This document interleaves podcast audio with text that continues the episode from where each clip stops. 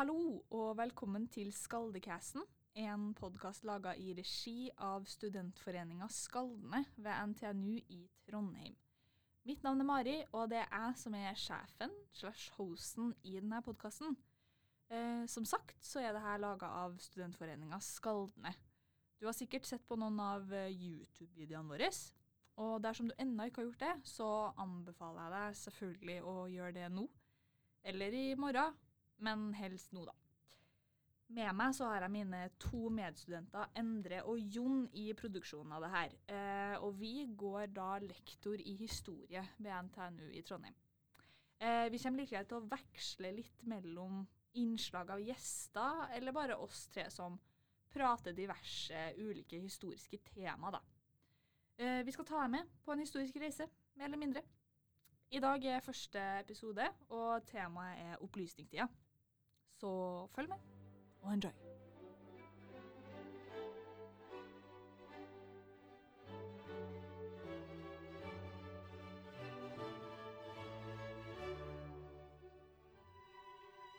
Hei og velkommen til første episode i Skaldecasten.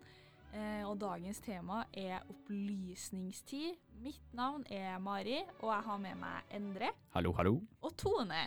Hei, hei. Tone, hvem, hvem er du? Hvorfor sitter du her? Ja, jeg heter Tone Didriksen. Har eh, studert idéhistorie, først og fremst. Og idéhistorie. Ja. Ja. Uh, og så er jeg veldig, jeg er veldig glad i de her opplysningsfilosofene. så, jeg har, så min drømmejobb det er jo egentlig å bli fransk salongdame. Men jeg, jeg tror kanskje jeg er noen hundre år for seint. Tydeligvis. ja. Så, men da kan man jo lage podkast. Ja, ikke sant? Ja. Ja. Så det skal du hjelpe oss med i dag. Yes. Men eh, Tone, vi skal snakke litt om opplysningstid. Eh, og jeg tenker jeg bare spør deg rett ut. jeg. Hva er opplysningstid? Ja, opplysningstida det er jo en eh, historisk epoke. Eh, men hva, hva er en historisk epoke, da? Ja, en, en historisk epoke det er jo et begrep innenfor historiefaget. OK. Og epoke, det betegner det, det ordet epoke, det kommer jo fra gresk stans. Men i, innen historiefaget så kan det enten bety en ny utviklingsfase, tidsregning eller historisk periode begynne. Ja. Eh, så kan det også betegne et avgrensa avsnitt i historien, kjennetegna av betydningsfulle begivenheter. Ja, Så det blir på en måte en måte for oss som historikere å plassere ulike hendelser i fortiden på, da? Er det det du prøver å si? Ja, det er det jo. Eh, historikere Altså, eh, historiefaget, altså, historiefaget er jo en vitenskap.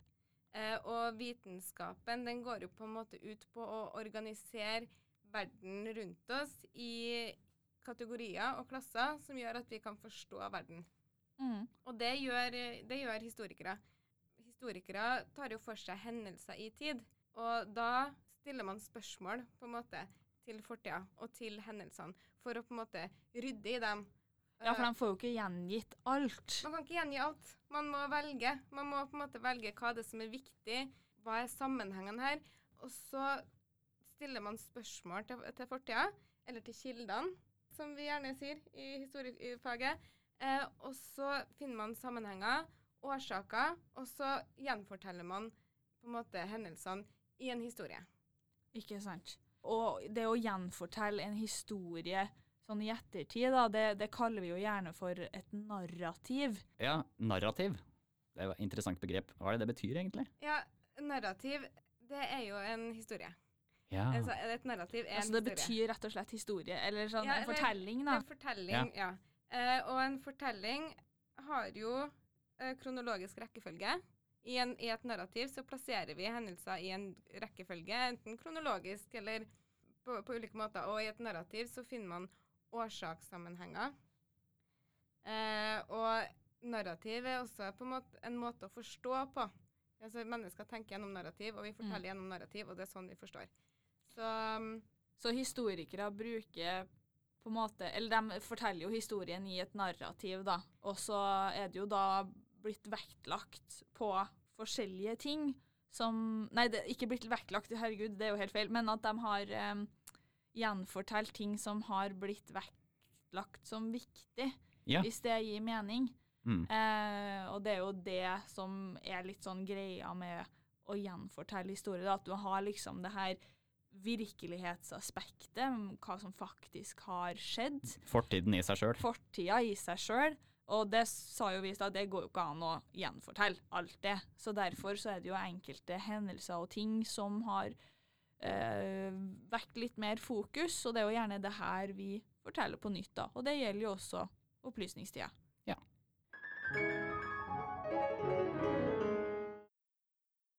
Så litt for sånn å oppsummere litt det du sa nå, så er på en måte opplysningstida det er jo som du sa en historisk epoke som eh, betegner en begynnelse og en slutt på noen ting.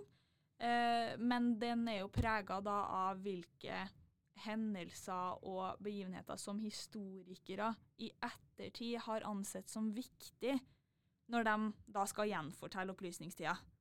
Men eh, sånn eh, grovt sett, da, hvis vi skal tidfeste opplysningstid, hvordan vil du tidfeste da? Ja, det er jo sånn med de her epokene at uh, man eh, tidfester ut ifra hvilke begivenheter man anser som viktig, og det som man legger vekt på.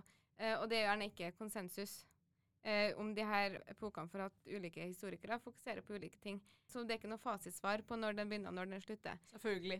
Eh, men det er altså, historikere er jo kanskje glad i sånne tydelige hendelser, tydelige brudd. Og det er vanlig å tidfeste opplysningstida mellom to revolusjoner. Den første er den såkalte ærerike revolusjonen i England i 1688, da parlamentet tok makta fra kongen. Ja. Og så avslutter man gjerne med den franske revolusjonen i 1789, som på en måte var kulmineringa av opplysningsideene som på en måte skulle settes ut i virkelighet, og endte med terror og død. Ikke sant? Ja. Klassisk historie. Sånn, sånn det skal være. Ja. Så grovt sett da, fra ca. slutten av 1600-tallet til omtrent slutten av 1700-tallet, da, kan vi på en måte tidfeste opplysningstida. Ja. Mange gjør det. Ja. Ja, men var det sånn at menneskene som levde på denne tida, var det sånn at de plutselig sto opp og tenkte Oi, så lyst det var ute. Nå er det opplysningstid. Hun Åpna gardinvinduene og bare ja, nå, nå er vi opplyst. Var, var det sånn? Ja, Um, det er jo sånn med de her eh, epokebegrepene og inndelinga og historieforskninga at det er konstruksjoner laga i ettertid. Men de er jo basert på virkelige hendelser. Og når det gjelder opplysningstida, så har vi jo gode vitner på at eh, de som levde da, var bevisst nettopp at de levde i en slags opplysningstid. Og et godt eksempel på det er Immanuel Kant sitt essay som svarer på spørsmålet 'Hva er opplysning?' OK.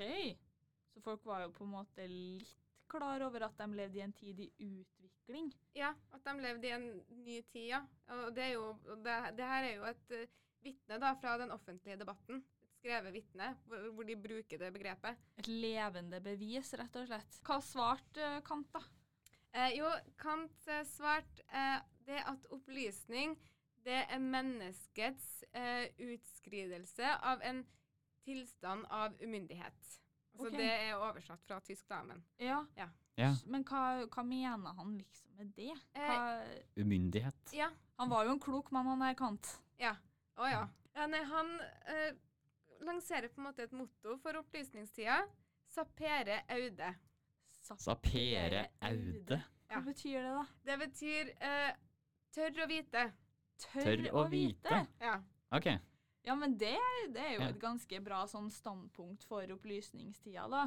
Og kanskje beskrive den perioden ganske greit. Eh, altså for det her med menneskets utskridelse av en selvpålagt umyndighet, det handler om at i opplysningstida så blir det veldig uh, fokusert på menneskeindividet. Og menneskeindividet og menneskers evne til å tenke rasjonelt. Ja, for det her hadde jo på en måte vokst fram litt i den her renessansehumanismen. Det eh, starter i renessansen, kan man si. Ja, Så nytt fokus på mennesket. Ja. eh, Mm. med, altså, Renessansehumanismen er jo nettopp det som skjer der, er jo at fokuset går fra det hinsidige og livet etter, etter livet på jorda og Gud, til mennesket og livet her og nå. Eh, og da får man et eh, Og man får et sånn fokus bort fra religion eh, som autoritet, bort fra konge som autoritet, til enkeltmennesket og enkeltindividet. Shit, for en overgang.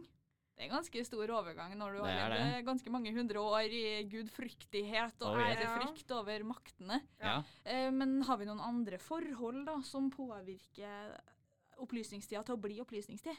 Det er mange, altså I historiefaget så snakker vi jo gjerne om eh, Vi skiller gjerne mellom bakenforliggende og utløsende årsaker. Ja, ikke sant. Det er jo noe som vi snakker om i eh, videoen om årsaker til første verdenskrig, eh, for de som har sett den. Og de bakenforliggende årsakene eh, Her eh, kan man på en måte velge litt hvordan man vil fokusere. Det spørs på en måte hvor sånn helhetlig man vil se det, hva man vil fokusere på.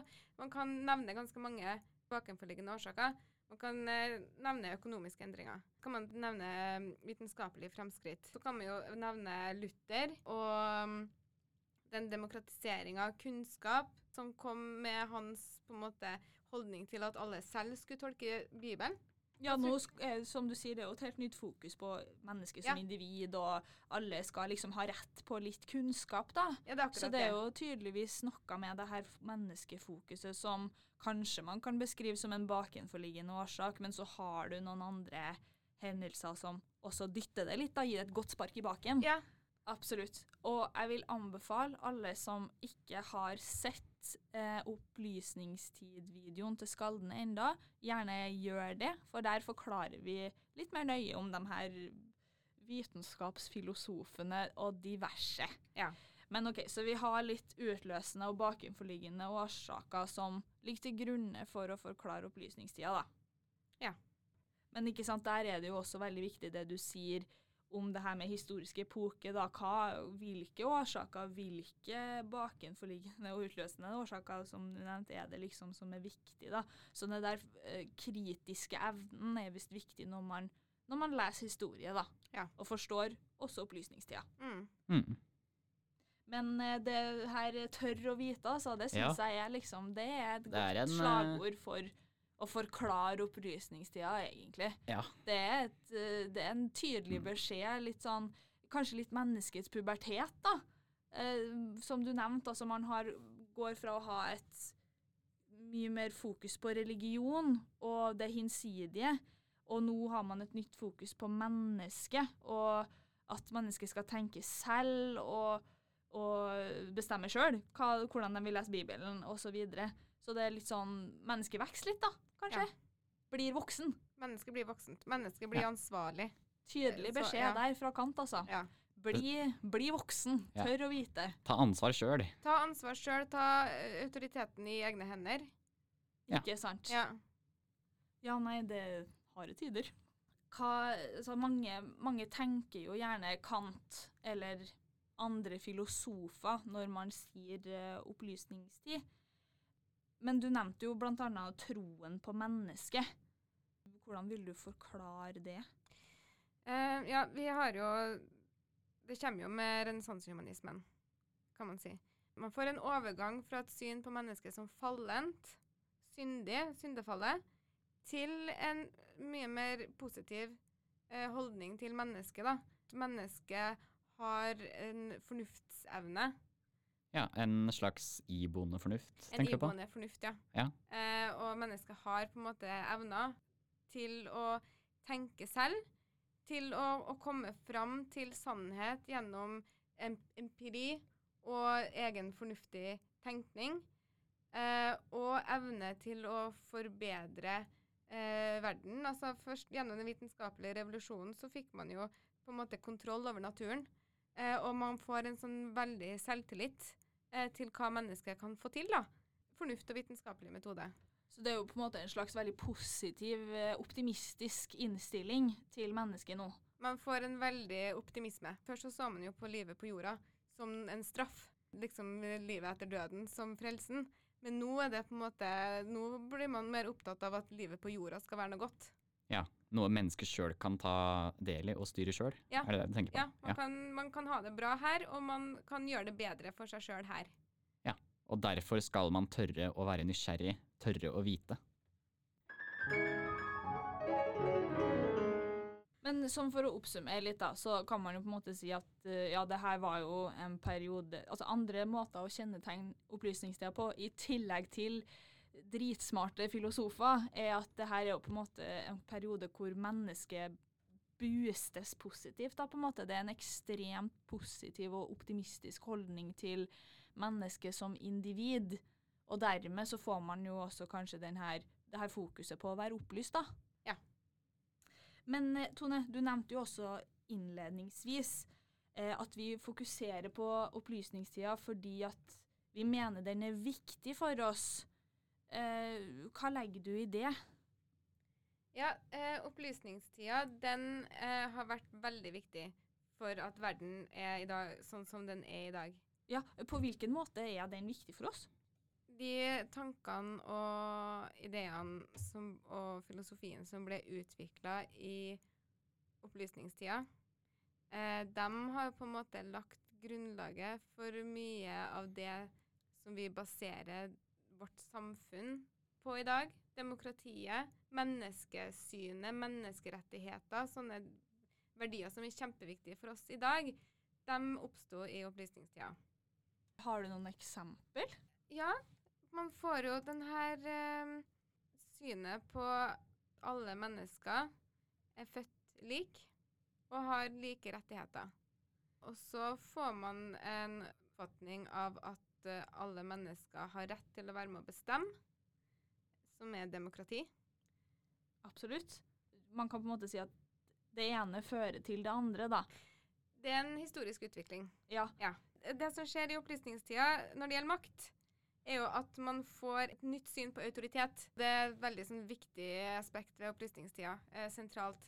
At eh, autoriteten går fra det skrevne ordet og etablerte sannheter gjennom tradisjon, til det som individene selv kan komme fram til gjennom fornuft og empiri. Så man får denne skeptisismen til etablerte sannheter, til etablerte maktstrukturer. Og man begynner å spørre hvorfor er det sånn her? Er det riktig at det er sånn her? Og så på en måte kommer man fram til nye svar. Så nå blir makten noen ting som må argumenteres for rasjonelt.